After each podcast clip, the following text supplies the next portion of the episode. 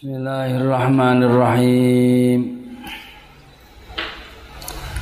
Zalamtu sunnata man ahya zalama ila.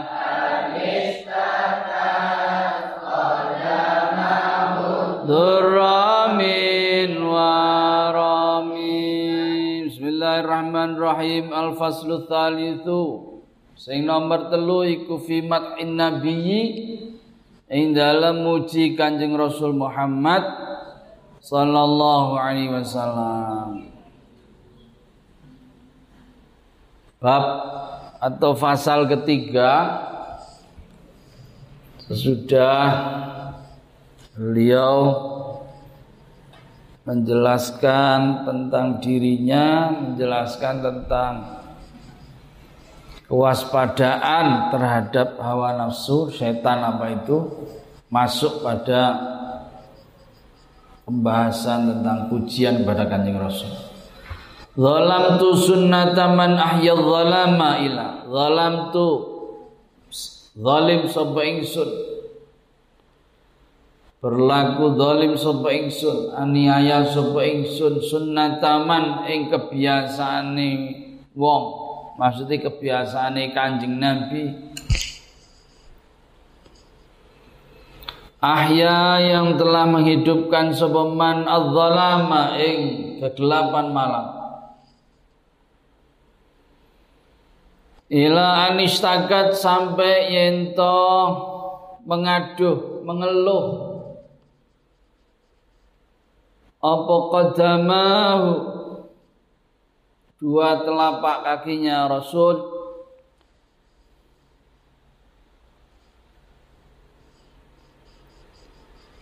Ad-durra'ing loro sakitan. Min waramin saking bengkak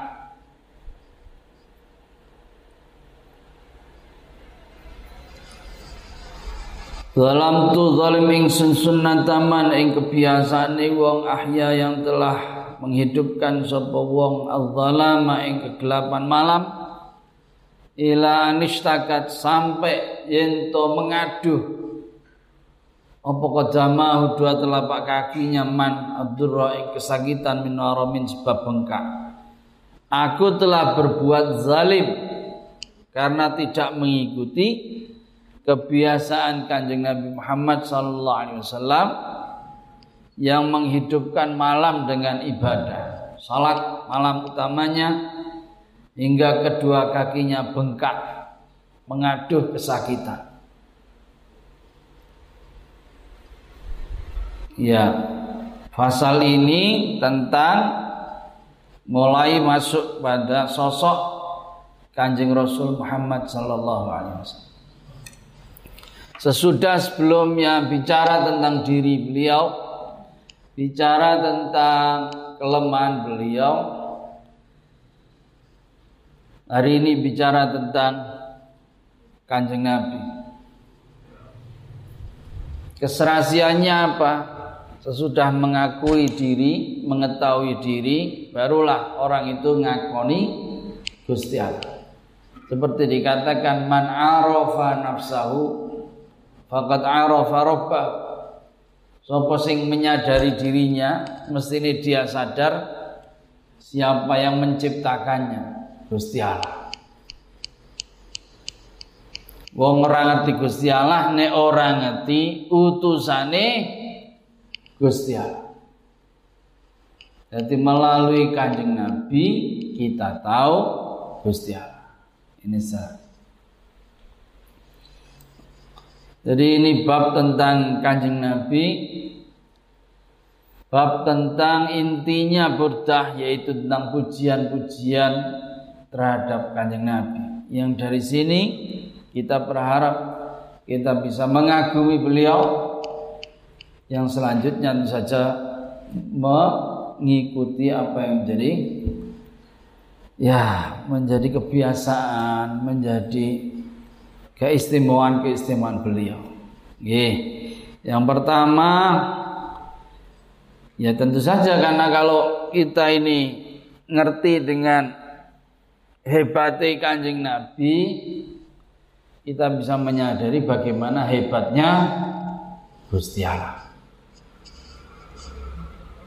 Itu, Anda tidak bisa me menganggap hebat lukisan kalau tidak menganggap hebat lukisnya Anda menganggap oh hebat. Oh bangunan ini bagus sekali kuat sekali. Berarti Anda memuji yang bangun bangunan Anda menganggap hebat lukisan. Anda menganggap hebat apa ini? Kaligrafi. Ya Anda harus pikir harus anda harus muji kepada orang yang bikin kaligrafinya. Ya. Anda muji kanjeng Nabi, yang Anda harus muji siapa yang nyiptake kanjeng Nabi Gusti Allah Taala. Dan ya jelas sekali dari bait ini zalam tu sunnata man ahyal zalama.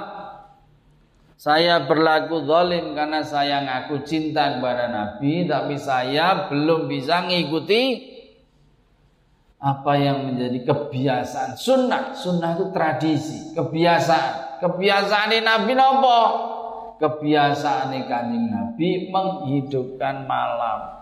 Jadi nek bengi ra turu kaya sampean apa meneh ndelok bal apa meneh gitaran rokok-rokok ngopi. Ah bel ngono carane seneng lah seneng cap mopo nek kanjeng nabi beliau salat malam. Ini dalam sebuah hadis sebutkan juga sebaiknya kita ini membagi malam itu tiga.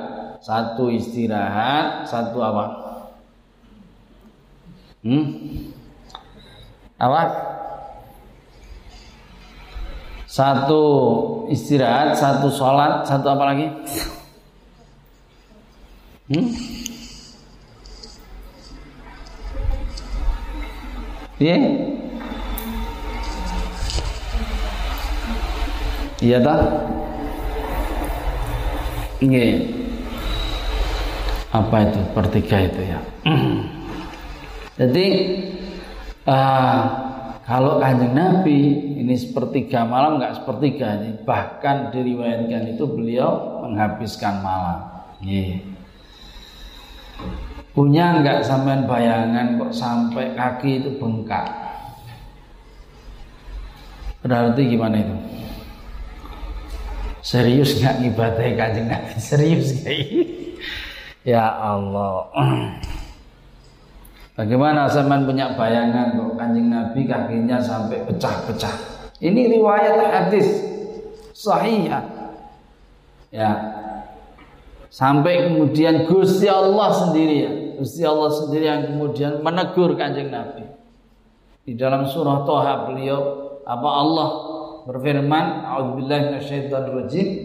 Bismillahirrahmanirrahim. Taha ma anzalna 'alaikal qur'ana litashqa. Kami turunkan Quran tidak untuk nyiksa gawe ente susah. Quran tidak ente buat jangan ente buat susah. Quran justru untuk membuat mudah menjadikan petunjuk bagi kita semua tidak membuat susah Masya Allah. Jadi beliau uh, banyak sekali menghidupkan malam tentu saja dengan banyak sholat. Bukti nih kakinya bengkak. Kok bisa mak sholat apa? Sholat sing ngadek suwi. Sholat apa? Sholat sing maca Quran. Ini saya dapat nasihat dari guru saya kalau ente pengen lancar Quran nih, ya ente ente sholat sambil ente deres. Itu cepet. Lancar. Nanti kali guru-guru. Guru saya Syekh Hamid. Ya. kalau pengen lancar ya sholat. Apa itu? Deresanmu itu dipakai untuk sholat. Ya. Nah, ini kira-kira kanjeng Nabi juga begitu Kok bisa beliau ini lama? Kalau cuma Fatihah puluh puluh tok ya gampang. Enggak. Tapi ini panjang bacaan. Ya. Dan ini kemudian juga ditiru oleh para sahabat. Para sahabat kadang surat Al-Baqarah itu dibuat di dalam ya, di dalam beberapa rakaat saja empat lima rakaat selesai dalam surat al dan itu tidak berat kanggo dewa sing apa Quran itu biasa tidak berat ya. Cuma kalau ini terus dan ini bukan hanya surat Al-Baqarah kemudian surat-surat yang lainnya itu berat. Ya.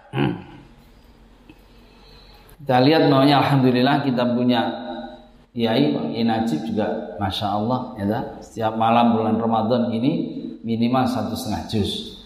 Nanti mulai tanggal 21 sampai tanggal 26 itu berapa juz tuh 5 juz gitu nanti mulai tanggal 27 sampai 29 10 juz ya kan ini real ini tidak tidak sesuatu yang apa gitu ini biasa gitu. Nih. Bagaimana Imam Syafi'i mamanya setiap Ramadan bisa menghatamkan 60 kali hataman? Ya kalau nggak gitu gimana? Ya memang begitu itu. Ya. Ini tu sunnata man ahya dhalama ya. Ketika diingatkan oleh Sayyidah Aisyah istrinya, Nabi, jenengan ini kok kok ndak tak gitu toh ibadah kok lama banget gitu. Wahai Rasul, mengapa engkau berlaku seperti itu? Salat berlama-lama. Padahal kan Allah sudah mengampuni dosa-dosamu. Nabi jawabnya apa? Dan ini versi ini bukan hanya Sayyidah Aisyah. Diriwayatkan oleh beberapa sahabat dan Nabi ngendikannya sama. Gitu. Afala aku abdan syakurlah. Saya nggak boleh bu, saya pengen jadi hamba yang bersyukur. Luar biasa. Saya ini apa? Saya dijadikan sebagai utusan Allah luar biasa. Ya. Ini jawaban oleh kanjeng Rasul Muhammad Sallallahu Alaihi Wasallam. Jadi pengarang menyatakan saya ngaku senang pada kanjeng Nabi, tapi saya lalai tidak mengikuti banyak apa yang dilakukan oleh kanjeng Nabi. Kemarin kita apa uh, membaca beliau ketika apa kemarin uh, walam usolli siwa fardin walam asumi saya hanya sholat fardu saja saya tidak banyak melakukan ibadah sunnah. Ya. Sedangkan Nabi kekasih saya itu menghabiskan malam sampai kakinya bengkak. Luar biasa. Wa syadda min wa tawa kashan mutrafal adami wa syadda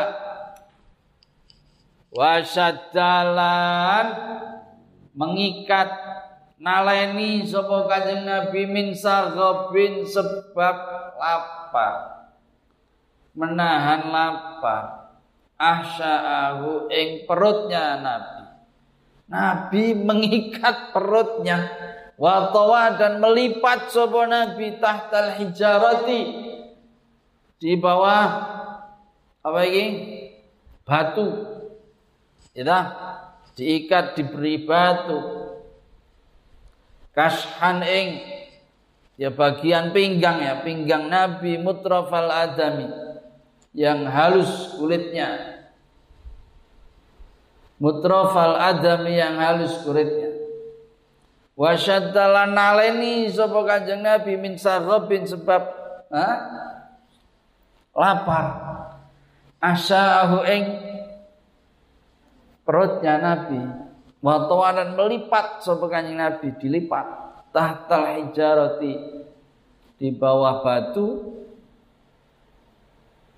kashan ing Pinggangnya Nabi artinya perutnya Nabi mutrafal adami. Kang kulitnya halus, yang halus kulitnya.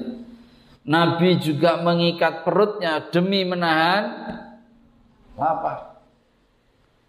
Dan melipat kulitnya yang halus dengan batu. Ya Allah Gusti. Nabi gini menahan lapar tidak bengok-bengok ya tidak demo, tidak ah ya Allah. Betapa beliau kuat sekali menahan diri. menahan emosi. Mari ini betul-betul kita jadikan pelajaran utamanya di masa-masa seperti ini. Ada ini sedih, ngamuk ini sedih. Ah, ya Allah. Ada diwawancara lah ngopo Bu? Mbak, kok tadi begenggek ngopo sampean kok begenggek? Eh, ini saya ini, oh, ini demi untuk nyekolahkan anak-anak saya. Oh, nyekolahkan anaknya kok nggak tadi begenggek. Tahu begenggek nggak? Kok kowe apa ini? Begenggek apa? Melacur. Kok Anda itu melacur gimana? Lah iya saya melacur demi anak-anak saya ini loh supaya bisa sekolah.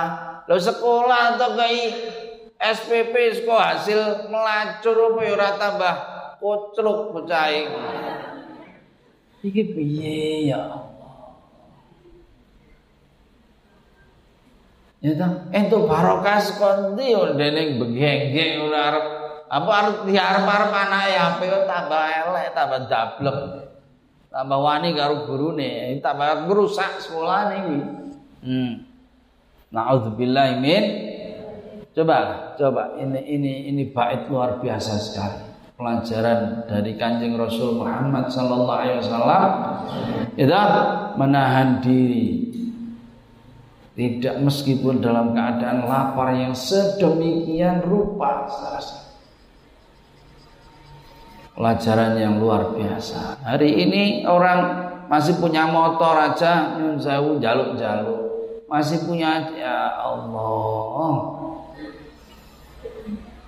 Jangan sampai kita ini merendahkan diri kita sendiri dengan sini nafsu ya, jaluk jaluk.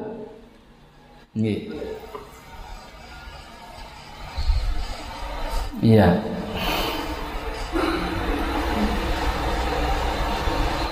Jadi anda kita semua boleh jadi miskin itu nggak apa-apa. Miskin itu bukan sesuatu yang tercela. Ya. Yang tercela adalah apabila kita tidak punya integritas. Nggak kuat menjadi orang miskin. Itu tercela. Tapi kalau miskinnya kita ini miskin berintegritas, maknanya miskin yang terhormat, dipuji orang, bener enggak? Ini bukti nih kanjeng Rasul. Orang jaluk-jaluk. Wah tadi pujian. Masya Allah. Jadi legenda. Bener gak? Legenda masa. Pemimpin seperti itu. Ya? Para sahabat tahu enggak? Kanjeng Nabi itu kan ketika itu eh, menggali parit dalam rangka perang Khandaq. Ya, jadi sahabat membuat parit di sekeliling Medina untuk menahan tentara Romawi datang nyerang Medina. Membuat parit dan keadaan sahabat itu keadaannya kelaparan paceklik. Para sahabat, inilah perjuangan sahabat. Kalau mau tahu, mereka mendapatkan gelar radhiyallahu anhum Waradu'an. Ini karena mereka ini kedudukannya tidak etek-etek cengengesan kaya kowe ngaji wae angel njaluk dadi radhiyallahu anhu. Ya. Bukan radhiyallahu anhu zaman itu. Allahumma firlahu.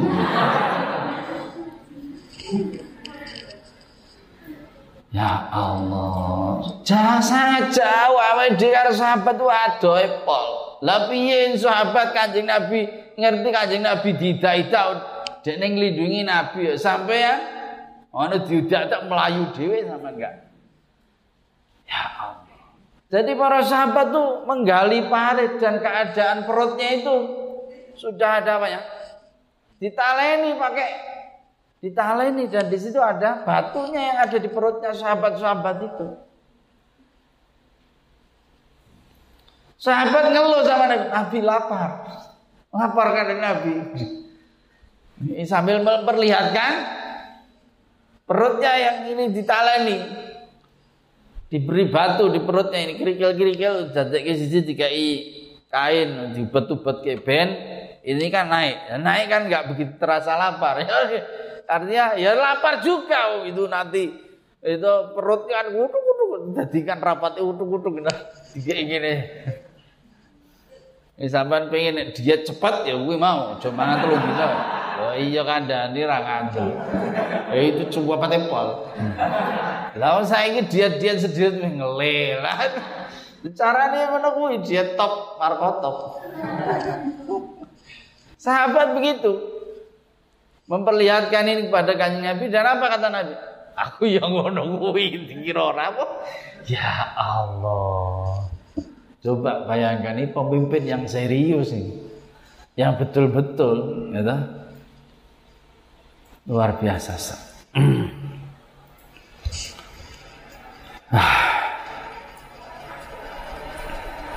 dan diibaratkan di sini sesuatu yang apa ya? Aneh gitu. Karena Nabi harus mengikat perutnya. Perutnya yang halus kulitnya. Ya. Maksudnya perut yang mulia yang terhormat. Perut yang tidak. Tapi harus menjalani perjuangan sedemikian rupa. Ini salah Ye.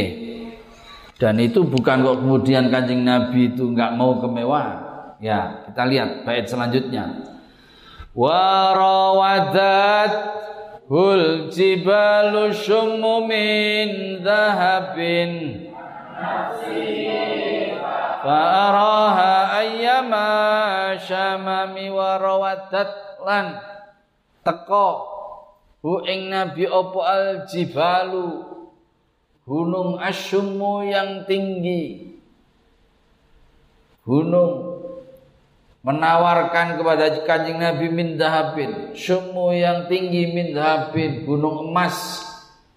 An saking dirinya Nabi. Fa'ara mongko memperlihatkan sebuah Nabi ha ing gunung. Ayama syamami ing ora butuh. Ing rasa cukup ora butuh menolak dengan serius. Oh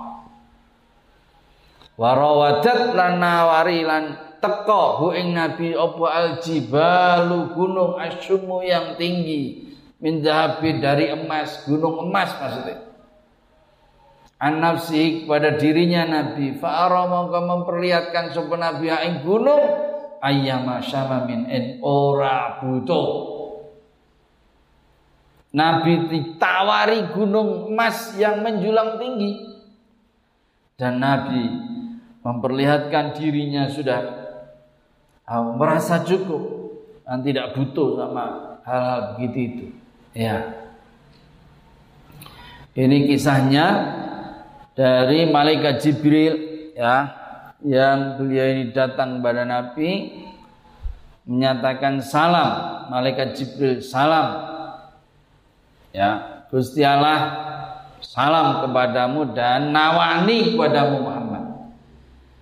Kamu mau enggak dikasih gunung emas? Ya. Supaya uripmu kecukupan kepenak, mau enggak kamu eh, ditawani gunung emas, maksudnya kekayaan, kemewahan, ya. Nabi enggak jaluk, nggak minta Nabi itu nggak minta. Tapi Nabi menolak dan menyatakan tidak membutuhkannya. Yeah. Jadi bait ini memberi alasan ya. Memberikan alasan dari bait sebelumnya bahwa Nabi itu enggak jadi beliau melakukan mena, me, apa, mengikat perutnya dengan batu. Bukan kok beliau tuh nggak bisa kaya. Kalau beliau minta, Gusti, nyuwun sedan mamane. Wah, teko temenan lho. Ora ono Gusti Kanjeng Rasul ditolak-tolak, ndak ada. Kalau beliau ngendikan mesti diparingi. Ya tak? Jadi bukan karena beliau atau beliau menyiksa diri, bukan. Asal supaya ini ya, aku ketok guru lah aku aku ya bukan Yesus. Enggak, bukan menyiksa diri enggak, bukan karena enggak. Tapi beliau merasa bersyukur dengan Allah atas anugerah yang diberikan Allah pada beliau. Iya. Beliau banyak puasa, beliau banyak dan ditawari emas demikian itu enggak mau. Nah, ini. Jadi ini sekali lagi menjadi pelajaran bagi kita secara-secara ya. Sini nafsi wa iyyakum. Jadi bila kita berjuang, bila kita sedang mengupayakan sesuatu yang baik untuk masyarakat, untuk umat, ya, dan kita yakin itu sesuatu yang baik, jangan mau disuap, jangan mau dibeli. Meskipun itu untuk pribadi Anda itu sesuatu yang menyenangkan, itu yang enak. Gitu. Ini pelajaran betul. Jadi perjuangan itu ya butuh pengorbanan. Ini. Ini. Apa alasannya beliau menolak diberi gunung yang sedemikian itu? Dinyatakan dalam bait selanjutnya. Wa akadat zuhdahu fiha daruratuhu inna darurata la isami. Wa akadalan muatke zuhdahu ing zuhte nabi fiha ing dalam dunya fiha ing dalam dunya apa daruratu butuhe nabi apa daruratu butuhe nabi inna darurata sak temene hal yang darurat iku la ta'du tidak ganggu apa darurat alal isami ing atase wong sing terjaga, wong sing maksum. Wa akadat lan nguatke zuhdahu ing zuhute nabi fiha ing dalem dunya apa daruratuhu kebutuhan nabi. Padahal inna darurata sesungguhnya darurat iku la ta'du tidak mengganggu apa darurat tidak apa-apa apa darurat. Alal isam bagi orang yang maksud terjemahan bahasa Indonesianya kezuhudan Nabi semakin terlihat. Saat beliau enggan menerima kemewahan dunia meskipun dalam keadaan darurat. Dalam keadaan membutuhkan beliau tidak terkesima dengan kemilau dunia. Padahal keadaan darurat tidak mengurangi kemaksuman beliau. Orang itu kalau sudah darurat itu apa-apa sudah boleh dilakukan. Kaidah fikihnya ad-daruratu tubihul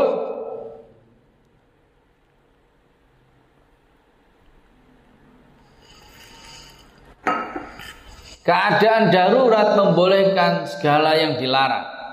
Keadaan darurat. Meskipun ad-darurat tuqaddaru biqadariha. Harus diukur sesuai dengan kadar kedaruratannya. Tapi yang jelas yang namanya darurat boleh melanggar mahdurat, hal yang dilarang. Ya. Tetapi secara-secara wa akadat zuhdahu fi daruratuhu meskipun Nabi butuh ya butuhnya sangat. Dan butuhnya Nabi itu bukan kok untuk pribadi tetapi untuk perjuangan umat. Ya. Butuhnya itu sangat. Ketika Nabi ditawari Nabi tidak bergeming. Artinya Nabi menolak kemewahan dunia.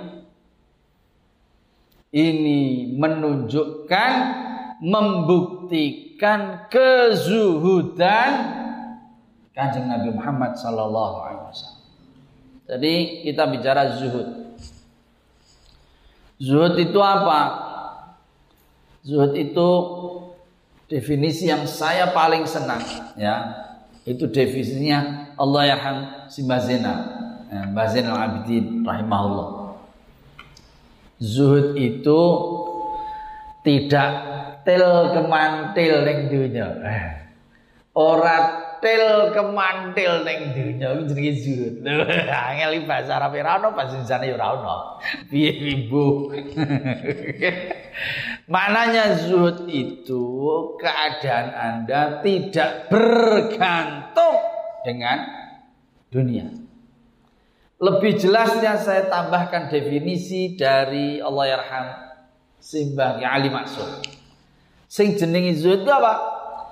Zuhud itu Anda melihat dunia tidak lebih dari Anda seperti melihat pasir. Gitu. Ente delok dunia koyo delok pasir.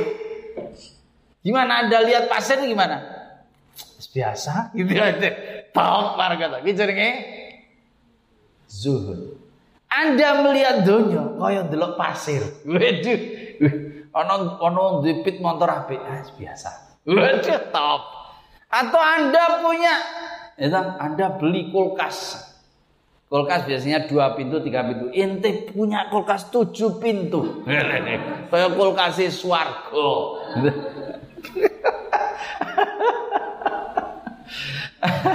Jadi kalau kulkas biasanya pendingin itu ada freezer ya, apa?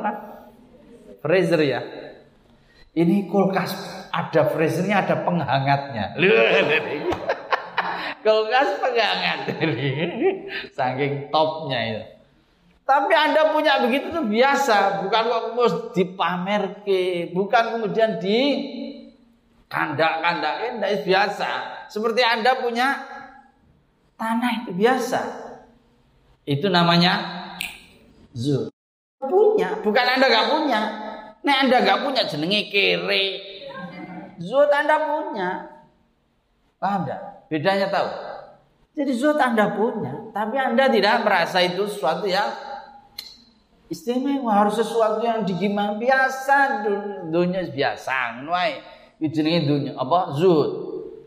Jadi ketika itu biasa, anda punya sepeda motor yang hebat dipinjam, oh ya monggo silahkan. Kalau anda nggak punya keperluan, silahkan pakai-pakai aja biasa. Itu jenenge zuhud. Paham? Ini definisi paling sip top markotop. Nah ini. Jadi Anda melihat dunia itu laksana Anda melihat pasir. Wih, gampang toh? Itu ibarat dari Allah ya Hab. Simbah Ali ini otentik. Ya soal betul Instagram betul ini. ya sana itu wah betul Instagram ini.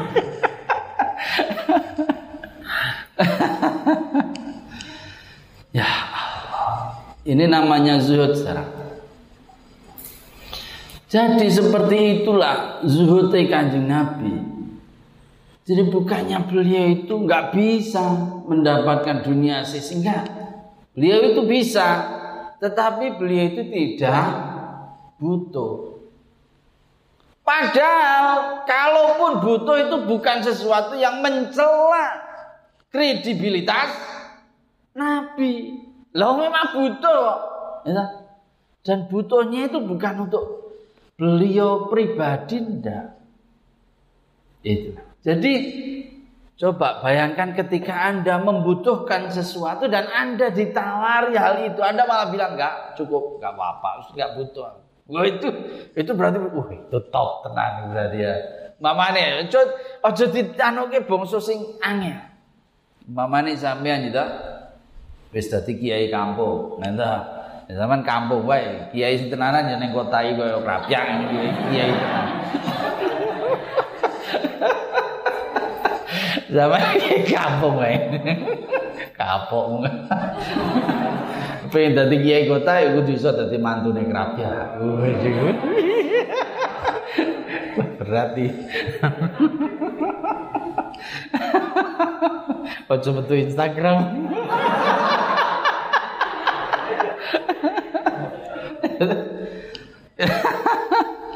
Wes, dia mau.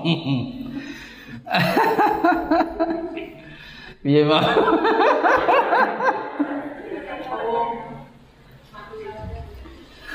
Jadi ente ya, ente lagi bangun, duit muntek gitu.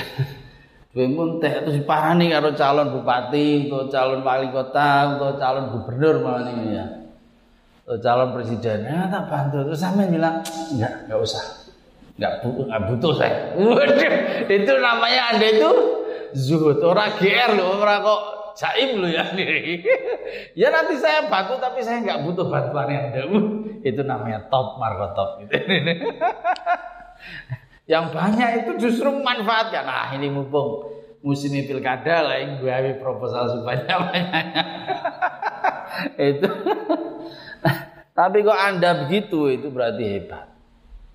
Sama dengan Nabi keadaannya sedang susah ditawari begitu beliau tidak tidak anu namanya apa tidak mekek bahasa Jawanya itu mekek tidak tergoda. Ya inna darurata la ta'du alal islami padahal kalaupun itu diiyani itu ya tidak mengurangi derajat Nabi wong ini darurat kok darurat itu apa sih darurat itu kebutuhan yang mendesak yang kalau tidak dituruti akibatnya itu mati. Itu namanya darurat. Inna darurat la ta'du Itu tidak karena darurat enggak apa-apa. Tetapi itu pun juga tidak diiyani oleh Kanjeng Nabi Muhammad sallallahu alaihi wasallam. Saudara-saudara, suatu ketika, gini, sahabat Umar melihat Kanjeng Nabi ini sedang tidur diranjang dengan apa ya perlak apa perlak maksudnya dengan perlak apa perlak diselim apa? Serpe ini. Serpe ini. Spray. Pakai spray yang tipis ya sahabat Umar nangis. Ya Allah jenengan kok keadaannya begitu itu? Jenengan itu kan bisa menaklukkan kaisar. Jenengan bisa menaklukkan Kisro. Kaisar takluk di tangan jenengan. Tapi jenengan kok ya Allah, sari saja di itu ranjang yang dengan kain tipis dan pakai ininya bantal tanah yang di tanah yang di apa? Yang di gelembung kayak gitu apa dipadatkan. Kok jenengan sare begitu? Sahabat Umar nangis. Ditanya, "Mayukika ya Umar? Kenapa nangis?" Wah kaifala abki? Kenapa? Kan saya gak nangis gimana? Saya melihat isarnya tanah aman, fi tanah aman, fi fitunya. Kaisar betapa menikmati dunia dengan kemewahannya sedemikian itu. Sedangkan jenengan kanjeng Nabi tidurnya aja begitu. Masya Allah anta ala hadil hal. Masya Allah. Nangis sahabat Umar. Loh. Sama Niso pun nangis. Pak. Ya Allah Pak. Bangunannya kok gak habis-habis. Gak selesai-selesai. Nangis saya Pak. Jadi kan gak begitu ya. Jangan kan gak pondok rampung-rampung. Gimana Pak. Nangis ya. Gak ono. Gak ono. Gak ono. Ya Allah, ya sahabat Umar tuh nangis. Faqala alaihissalam, ya Umar, amatar sama ora seneng mbak aku ngene ra seneng. Sama ora rido. Ayyakuna lahu fid dunya walana. Sama enggak ridho, sama enggak senang mereka mendapatkan kenikmatan seperti itu di dunia, sedangkan kita akan menikmati kenikmatan itu di akhirat. Sama ora ora seneng, Bang. Qala bala. Oh tentu saya senang gitu Rasul. Saya tentu senang. Tetapi saya enggak tega melihat panjenengan seperti itu. Ya. Kemudian fanazala Jibril. Jibril datang. Sunnatullah kejarat ala anna ladzat dunya tangkusu ala jadi kebiasaan dunia. Iki berarti iki ngendikane malaikat Jibril. Tenan malaikat Jibril penak men iki. Jadi malaikat Jibril ngendikan, sing jenenge donya ya kebiasaane Gusti Allah nek sing jenenge kelezatane akhirat enake akhirat kuwi dinggo wong sing ning donyane mendapatkan kenikmatan yang sedikit.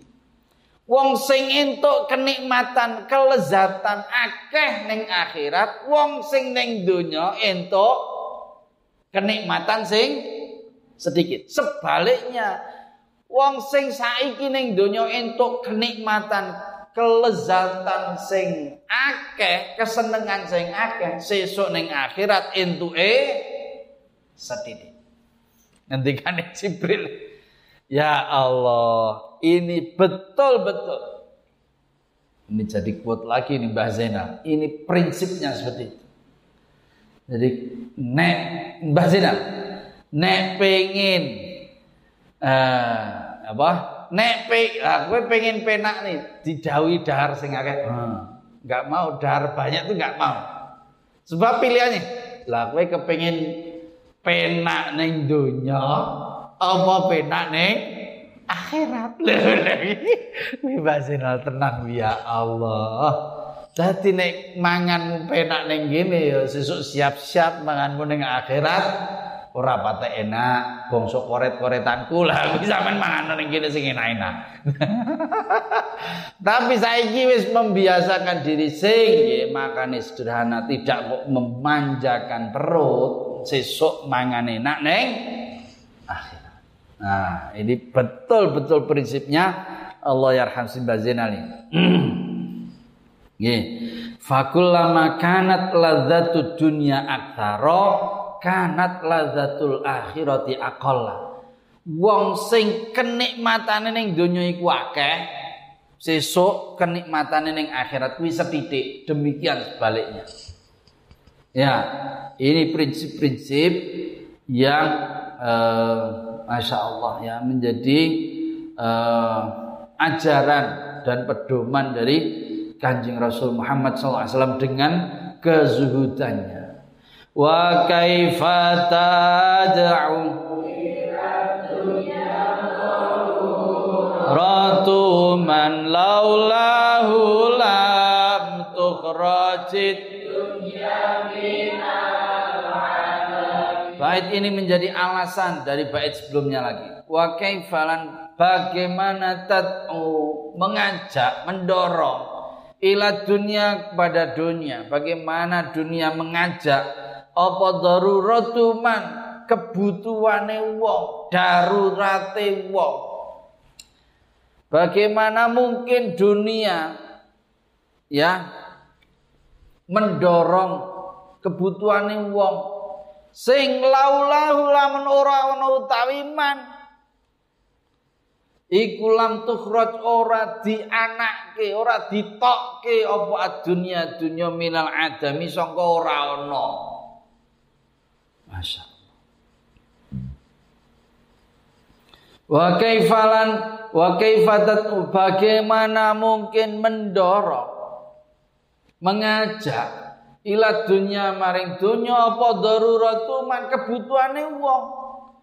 Sing laulahu lamun ora ana utawi nabi iku lam tukhraj ora bakal ditokke diciptake maksudnya apa? Dunya dunya minal adami sangka ora bahasa ininya gampangnya bagaimana mungkin kanjeng Nabi Muhammad butuh pada kemewahan dunia. Sedang tanpa beliau tidak akan ada dunia. Enggak ada nabi, enggak akan ada dunia. Jadi awake dhewe donya lan terus diciptake sebab diciptake sing jenenge Nur Kanjeng Rasul Muhammad sallallahu alaihi wasallam. Nur Muhammad diciptakan sebelum apa-apa. Barulah kemudian diciptakan yang lain-lainnya Nabi Adam dan seterusnya. Jadi nek ora ana Kanjeng Nabi ora ana awake dhewe ya ora ana donya iki. Dan bagaimana mungkin Nabi butuh kepada dunia padahal dunia itu ada sebab adane onone Kanjeng Nabi Muhammad sallallahu luar biasa. Ya, Jadi wajar kalau begitu wajar Nabi nggak butuh dunia loh. Dunia kanggo Nabi ora ana apa-apane kaya mau Nabi dunia itu dianggap seperti tanah itu tadi. Allah boy tanah ning kene ana ning ndi ana. Itu ibarat kezuhudan Nabi ya melihat dunia ini. Ya. Saya kira ini pelajaran-pelajaran yang hari ini mah hari ini sesuatu yang penting Ya. Di saat orang gampang sekali marah, gampang sedikit-sedikit jaluk, sedikit-sedikit bengok, sedikit-sedikit demo, kurang iki sedikit demo. Ya, ini mari kita melihat pelajaran dari panutan kita kanjeng Rasul Muhammad SAW. Ya, menjalani kehidupan dengan ya dengan miskin dengan ini nggak apa-apa miskin itu bukan sesuatu yang jelek enggak yang jelek itu kalau Anda itu tidak terhormat dengan kemiskinan. Caranya apa? Masih ada tapi isi jaluk-jaluk ini ini tidak terhormat dan itu tidak berlaku sama sekali pada Kanjeng Rasul Muhammad Sallallahu Alaihi Wasallam. Demikian secara-secara semoga bisa difahami dengan baik ya. Insya Allah besok kita lanjutkan dan nakhtati alhamdulillah.